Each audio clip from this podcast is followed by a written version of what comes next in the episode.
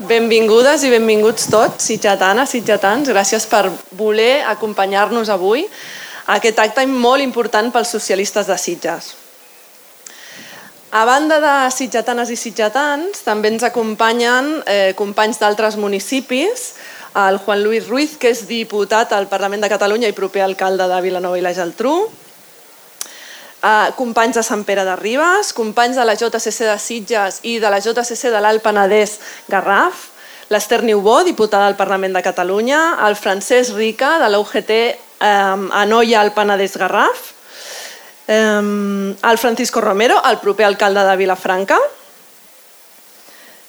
la Carme Artigas, la presidenta del Casino Prado Sobrense, gràcies per acompanyar-nos avui, el Damià Ors, el president de l'Oci Nocturn, el Jordi Cerezuela, el director general de l'Ave Maria, i l'Antoni Oliver de l'Hospital Sant Joan Baptista. I avui ens acompanya també el Salvador Illa. El Salvador Illa, permeteu-me que ho digui així, per mi és l'únic ministre de Sanitat que junt amb l'Ernest Lluc passarà la història d'aquest país. Salvador encapçala un, un projecte polític el que ha vallorat millor la ciutadania de Catalunya en les darreres autonòmiques i que en l'última enquesta del CEO encara ha millorat els resultats. Per tant, Salvador, felicitats i gràcies per encapçalar aquest projecte.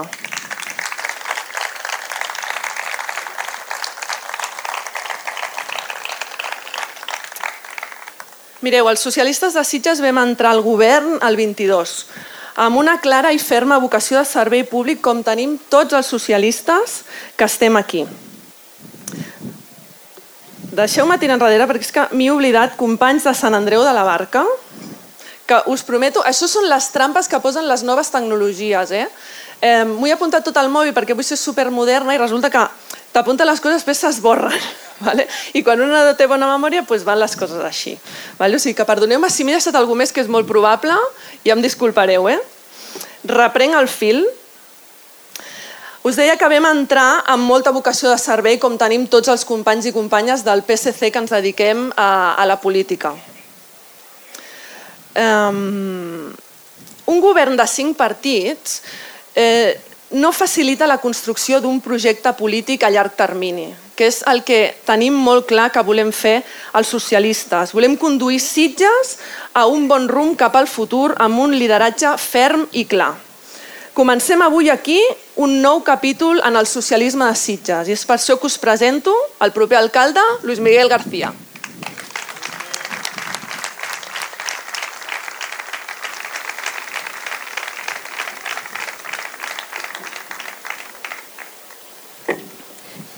Gràcies eh, entre tots i totes la, els convidats que tenim aquí.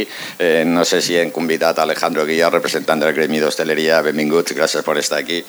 I gràcies a tots, totes, Salvador, companys, companyes, eh, Omar i l'Elisabet. Tenim aquí dos propers alcaldes i tenim molta feina a fer i, i estem en aquest, en, aquest, en aquest camí. Tot just fa dos anys que vam posar fil a l'agulla d'un acord per a formar part d'un govern de Sitges. La decisió d'endegar aquest pacte i, pa i passar d'esperonar altres formacions des de l'oposició a autoexigir-nos el màxim compromís des del govern va reure un, dues raons principals. D'una banda, som un partit amb els recursos per a governar, en sabent.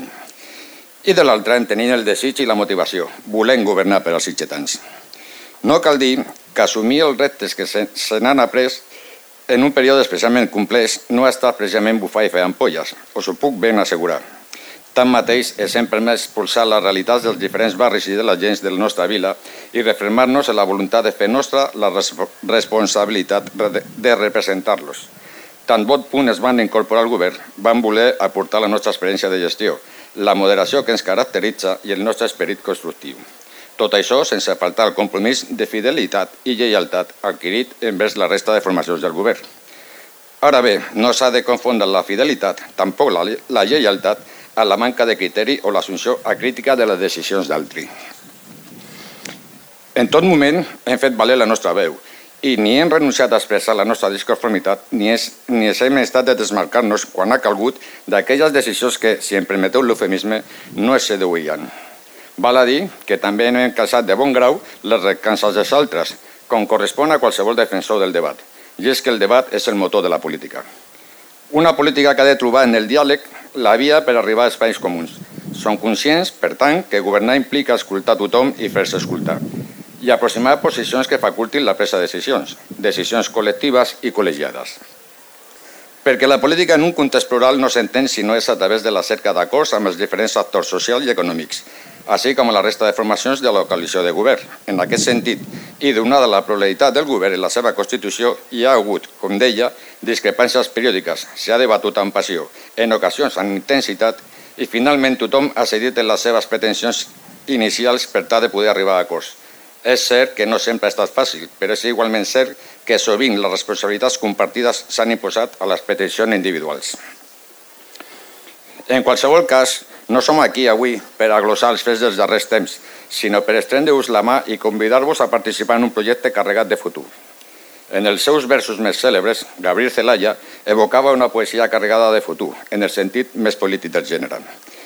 Avui aquí el que es vol carregar de futur és la nostra política per al poble un futur de transformació i de progrés, un futur d'estabilitat i de bon govern, un futur on tothom se senti còmode i cridat a participar, cridat a ser agent i protagonista de l'evolució dels sitges que volem. Acceptem que com a societat no sortim indemnes de la sacsellada que han suposat per a les nostres vides les dificultats dels dos darrers anys, però instal·lar-nos en la resignació no és cap opció que vulguem contemplar. Sitges té moltes possibilitats i prou recursos, i l'opció que des del nostre punt de vista pot garantir que la gestió d'aquestes capacitats reverteixi beneficis de, per a la vila és un govern sòlid liderat per socialistes i per això som aquí.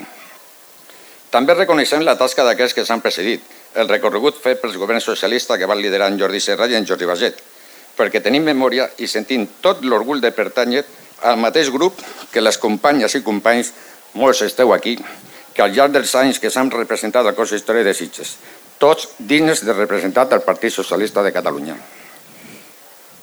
La responsabilitat d'agafar el testimoni del seu llegat és gran, com ho són les ganes de seguir fent camí cap a un Sitges transformador, amb el seu punt transgressor també, i que ens faci sentir cofois de, a tots de participar d'una manera o d'una altra en un projecte que vertebra la seva activitat, perquè d'això es tracta, de tornar a sentir que formem part d'un Sitges punter en la projecció del patrimoni natural, cultural, arquitectònic, esportiu, social.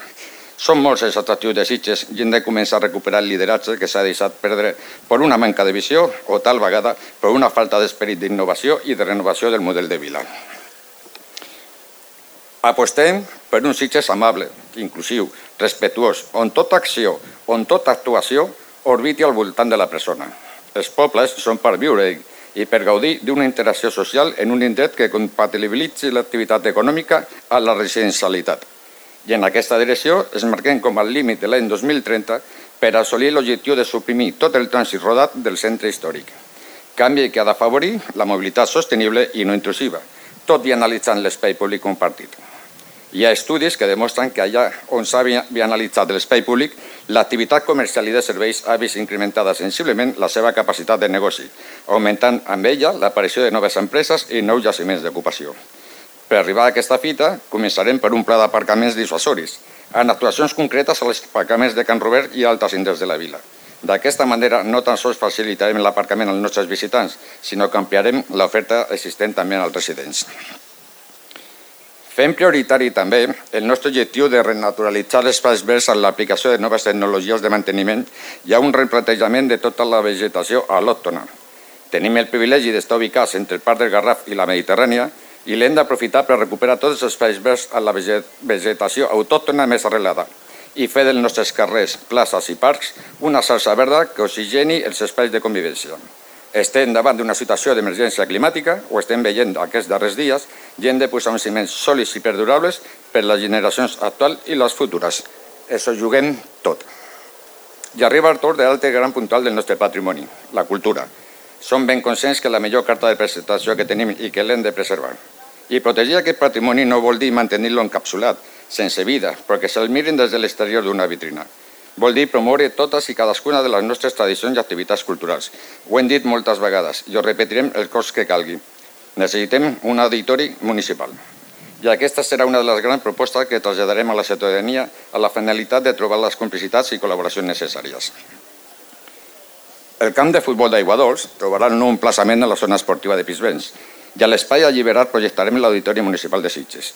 Un espai espectacular, encarat al mar i amb moltes possibilitats Es tracta de dotar a la vila d'un espai de referència cultural, a disposició d'entitats i equipaments educatius, on tan important és el continent, un edifici emblemàtic, com els continguts. En aquest marc es treballarà per fomentar una indústria d'iniciatives culturals i creatives, o tindrà una incidència especial la indústria cinematogràfica i de l'audiovisual.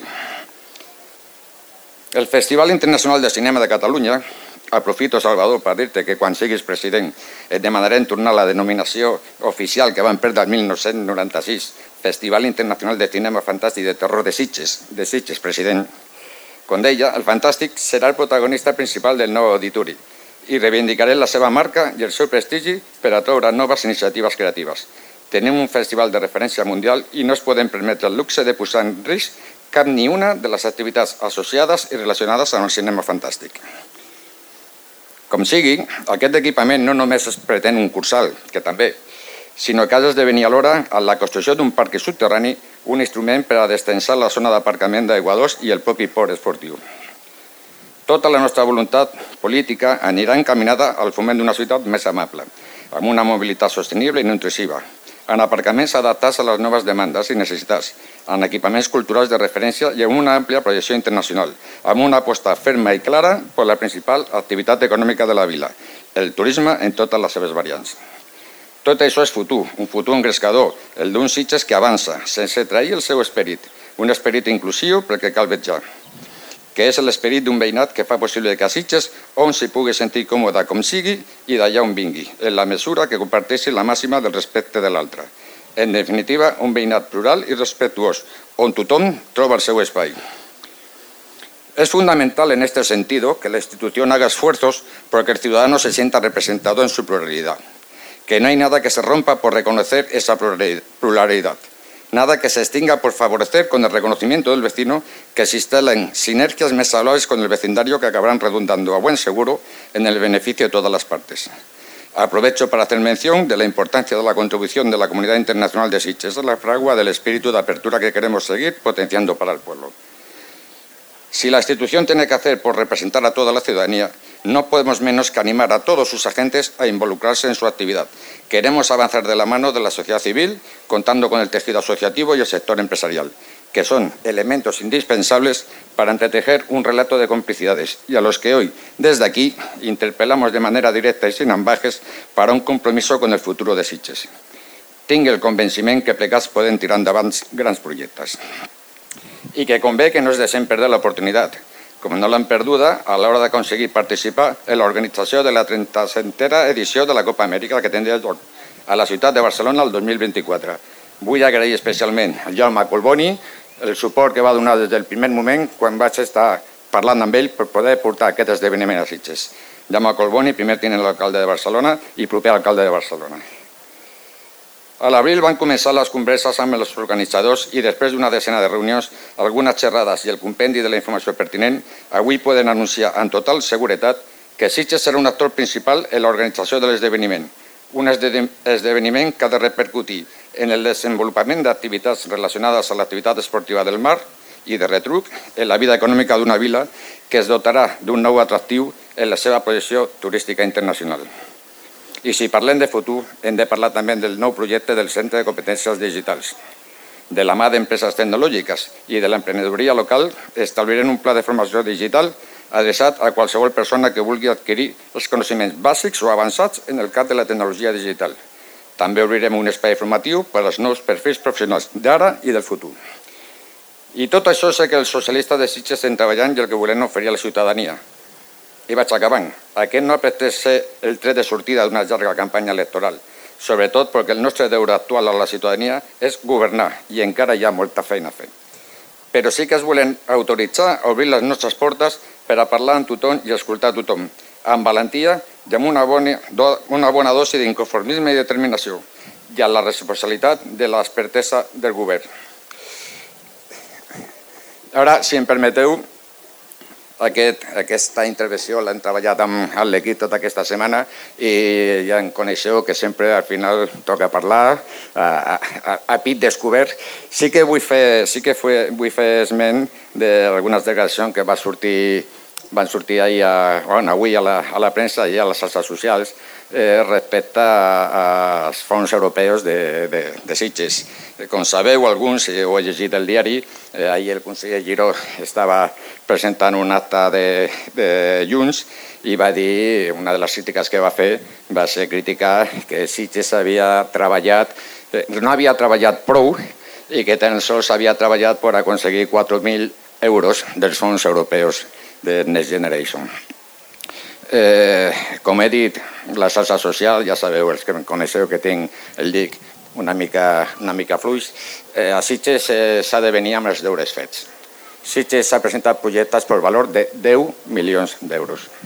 4 milions 200.000 euros tan sols en la renovació del passeig de les botigues, 2 milions d'euros en la renovació de l'escola Utrillo, 1.200.000 euros en la renovació de l'escola Barratxina, 500.000 euros en la, en el, la renovació de l'edifici del patronat, però és que, a més a més, just al costat del, del conseller Giró estava la, la candidata, futura candidata, si tot va bé o no, de Junts, eh, estava al costat, eh, em sorprèn que com a president del, del Consell Comarcal no hagi, no, no hagi no sé, intervingut, eh, si més no, i dir-li al conseller, conseller, això no és ben bé així, perquè Sitges també ha presentat 1.600.000 euros en projectes de turisme que s'ha fet des del Consell Comarcal, de la que ella és presidenta. Ve el conseller i diu que hem presentat projectes per 4.000 euros quan hem presentat projectes per valor de 10 milions d'euros. I, I això mm, va passar ahir i jo no podia, no podia deixar que, que quedés així. Des del govern estem treballant des del primer minut, amb totes les dificultats, com ha explicat Elisabet i com ha explicat jo, però estem treballant des del, des del primer minut pel futur de Sitges.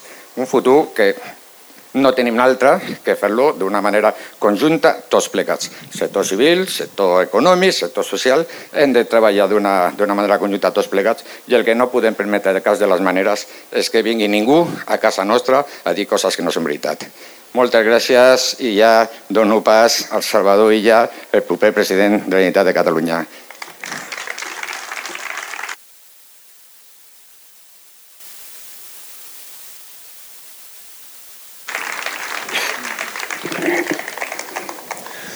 Molt bé, doncs molt bones tardes i moltes gràcies en primer lloc per, per convidar-me. He fet eh, bastants actes electorals i me'n queden per fer bastants, però no n'he fet cap en, una, en un lloc tan bonic com aquest, amb l'església de Sant Sebastià al fons, amb la platja de Sant Sebastià al fons, un, un dia a la tarda amb un, amb un sol magnífic, i no crec que em faci cap en un lloc tan bonic com aquest. No? Per tant, moltes gràcies per haver convidat i moltes gràcies eh, per les teves paraules, Evi i Lluís Miguel, no? de presentació, i a totes i tots vosaltres per ser aquí, no? per ser aquí avui a la tarda. No? Els diputats que heu vingut, els eh, màxims responsables de, de la Federació de Valpernès Garraf, eh, eh, Juan Luis eh, i tots els companys que heu vingut i a totes vosaltres, tots vosaltres que sou aquí, especialment a aquelles persones que sou representants d'entitats i d'associacions de, de Sitges i que heu volgut també avui assistir a aquesta presentació de Luis Miguel García com a candidat nostre aquí a Sitges. No? Jo vull a compartir amb vosaltres algunes reflexions i vull començar eh, subratllant la complexitat del moment polític que vivim. S'ha fet referència per part de Bevi a, la meva etapa com a ministre de Sanitat, que em va permetre viure molt en primera línia, no? el que va suposar combatre una pandèmia la més gran en 100 anys que hem tingut, no? un moment de sacsejada molt important no? per tot el món no? i també per les societats occidentals, també per la nostra societat. No? Però a continuació hem tingut episodis també eh, molt inesperats, no? al darrer d'ells, aquest 24 de febrer, quan Putin eh, va envair a Ucraïna, no? i és una... va desencadenar un atac no? als valors eh, europeus, no? els valors occidentals, no? els valors de generació de riquesa en, marc, en un marc de llibertat, de societats democràtiques que tenim un estat del benestar. No? Per tant, vivim en un món molt complex i això ens ho hem de dir i ho hem d'explicar. No? Amb un nivell d'incertesa alt, amb uns mesos que vindran que poden ser difícils, no? hem, de, hem de fugir del dramatisme, però hem de dir les coses com són, no? estem veient un, una, una situació econòmica complicada, amb un canvi important de la política monetària, amb uns nivells d'inflació molt elevats, els més elevats que hem tingut en gairebé 40 anys, no? molt provocats, és veritat, per molt, en bona part, en tres quartes parts, diuen els experts, no? per la situació que tenim a l'energia, però bueno, que es dibuixen un, un horitzó eh, d'incertesa. No? És veritat també, diguem-nos-ho, eh, que mai hi havia hagut tanta gent treballant a Espanya. Gairebé 20,5 milions de persones, molts d'ells amb contractes de llarga durada, tenen feina en aquest moment a Espanya. No? I a Catalunya tenim el nivell d'atur més baix en molts anys. No? Per tant, també és veritat que hi ha dades positives, però un, un, uh, un horitzó d'incertesa, de complexitat. No? Pandèmia, guerra... No? Bé, eh, el que jo volia compartir amb vosaltres com a una de les tesis centrals del nostre plantejament polític, del meu plantejament polític, és que la política també s'ha d'adaptar a aquesta situació. Igual que durant la pandèmia doncs, la forma de comunicar-nos, la forma de treballar, la forma de moure'ns, no? els nostres hàbits quotidians van adaptar-se a aquesta situació, doncs també la política ha d'evolucionar no? i ha d'adaptar-se a aquesta situació de complexitat que hem viscut. No? I jo defenso que hem de fer una política que m'agrada qualificar de política constructiva o política útil. No? I que la concreto en quatre eixos, en quatre vectors d'adaptació, de la política d'evolució, de la política de resposta, de la manera de fer política a aquesta situació complexa que estem vivint. No? El primer eix és eh, eliminar, deixar enrere la política de la confrontació que ha dominat la segona dècada del segle XXI i caminar decididament, decididament cap a una política d'acords. Aquests eh, darrers anys eh, el que estava de moda, el que es deia que donava més rendiment, més èxit en política era confrontar. I quan més confrontessis i ho fessis més aferrissadament i més et diferenciessis i més ataquessis eh, els teus adversaris polítics, més ben anava. No? L'exemple més tòpic que es posa d'aquesta manera de fer, n'hi ha molts, eh, però més que va potser, el que ajuda més a veure perquè està allunyat de, dels nostres, eh, de les nostres institucions és Trump, no? atacar, atacar, atacar, atacar, confrontar, no? buscar sempre un element de confrontació. No? Crec que això s'ha de deixar enrere. I per respondre a la complexitat del moment que vivim, s'ha de caminar cap a una política d'acords. En lloc de buscar divisió, buscar punts de connexió. En lloc de dividir, unir. No? Això requereix més coratge polític, eh? més fàcil confrontar, és més fàcil mantenir-te en la puresa de les teves posicions i, i atacar els altres. No? És més difícil, requereix més convicció, requereix més fortalesa en els plantejaments propis, acceptar, discutir, enraonar, contrastar i eventualment arribar a coses. Això ho vam fer per exemple, nosaltres aquí en matèria de la llengua catalana. No? Jo dic davant de Baster Niubó, que va tenir una feina, un paper cabau, no? en arribar a aquesta hora. És més fàcil, era més còmode per Baster i per nosaltres, i, i nosaltres no, vam seure, vam tenir paciència i vam arribar a un acord, un 80% del Parlament de Catalunya, que jo crec que ha sigut útil per a la societat catalana. Per tant, política d'acords en lloc de política de confrontació. No? Hi ha un segon eix d'evolució de la política, no? que és deixar enrere la política de la crispació i caminar cap a la política del respecte. Eh, també aquests darrers anys sembla que el llenguatge polític havia de ser quan més, bavi, més, més bavigerant i quan més eh, crispat millor. No? He tingut uns exemples aquests darrers dies per part d'alguns protagonistes d'aquesta situació que ha vingut al Parlament de Catalunya. No? Si no fa falta parlar de suïcidar-se políticament, ni fa falta parlar d'embortar-se les mans de sang, fa falta parlar d'utilitzar aquest llenguatge per referir-se a una situació política? No. Això és crispar, és assenyalar gent, és... no fa falta. Jo crec que hem de deixar enrere aquest llenguatge de crispació i caminar cap a una actitud de respecte. De respecte profund, no? No vol dir que estiguem d'acord amb tot, però es pot discrepar amb educació, amb un llenguatge educat, no? que no vol dir que no sigui contundent, com ha de ser-ho, però educat. No? Per tant, nova confrontació si els acords, nova crispació si el respecte, però hi ha dos eixos més, dos eixos més no, d'evolució de la política, d'adaptació de la política a aquesta nova situació complexa. Un tercer seria eh, abandonar el victimisme i la lamentació constant. No és que això és culpa del govern d'Espanya, no és que això és culpa dels ajuntaments, no és que això és culpa, sempre és culpa d'un altre. És veritat que estem en un món en què en el nostre context, el context d'Europa, s'ha de treballar conjuntament, Comissió Europea, Govern d'Espanya, governs de comunitats autònomes, en aquest cas, en el nostre cas, Generalitat de Catalunya, governs de diputacions, d'ajuntaments, tots junts, no? i tenim unes responsabilitats compartides que requereixen que es treballi conjuntament. No? Ah, però sempre la culpa és d'un altre. No? victimització. Eh? Jo demano que deixem enrere la victimització i caminem una mica cap a el jo anomeno cultura o política de l'autoexigència. Escolti'm, vostè primer faci bé les coses que li toquen fer, no?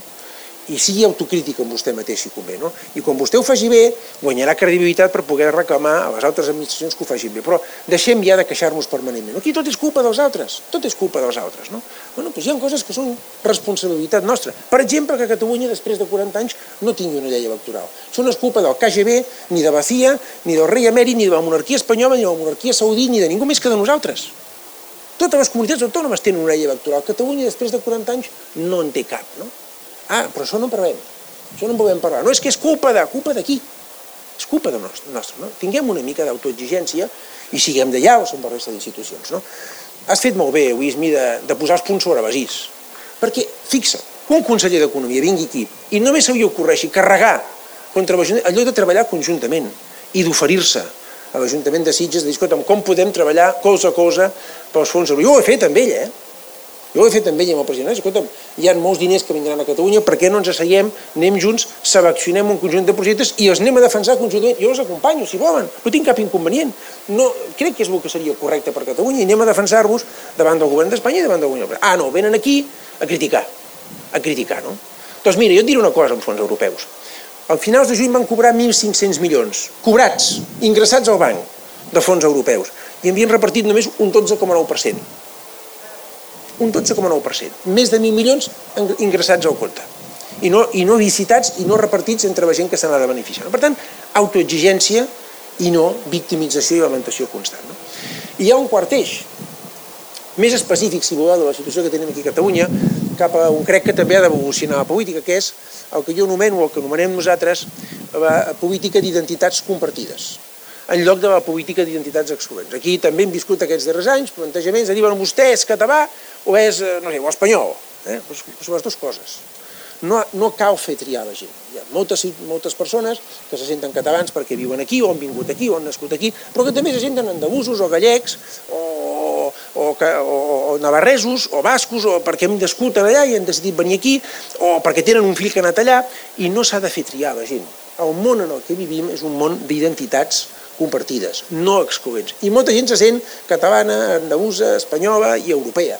I molts nois joves, molts joves d'aquí se n'aniran, molts ja han marxat a treballar fora i se sentiran també, doncs molt probablement, una part de la seva identitat vinculada al lloc on han, on han anat a treballar o per gust o a vegades per força.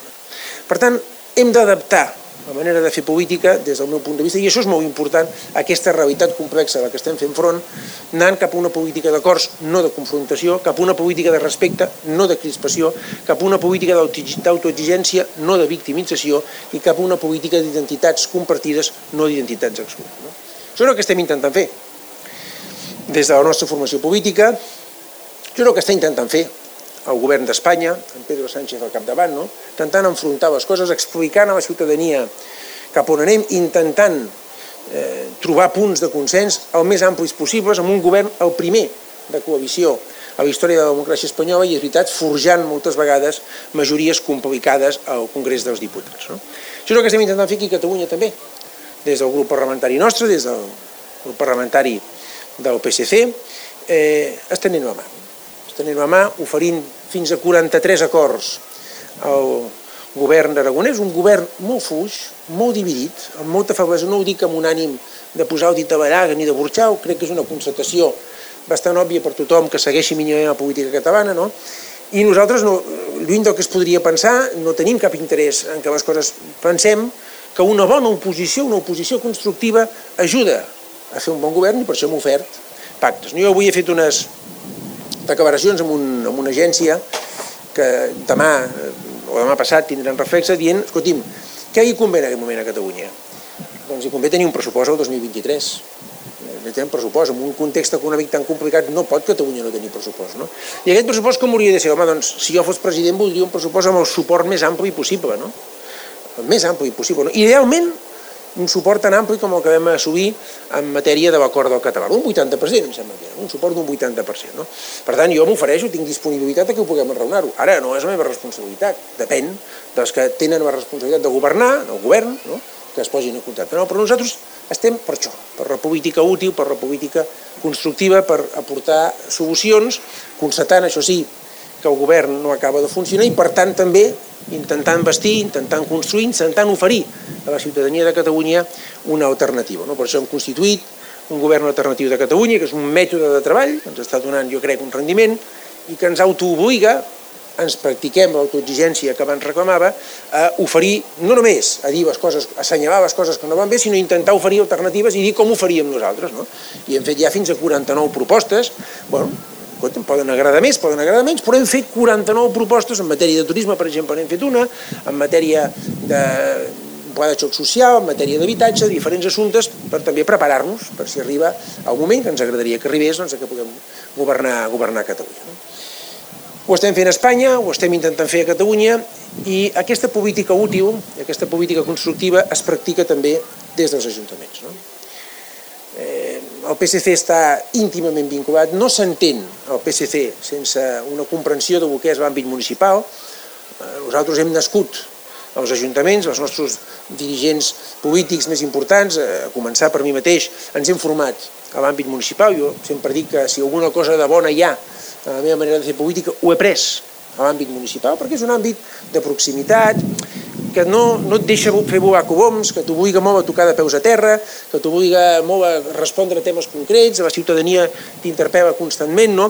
És un àmbit on només veus molt clarament l'èxit o el bon resultat d'alguna política, però també quan una política no funciona, doncs acabes veient que no acaba de funcionar, i eh, també des d'aquest àmbit intentem fer política constructiva i útil. No? I en particular a Sitges. No?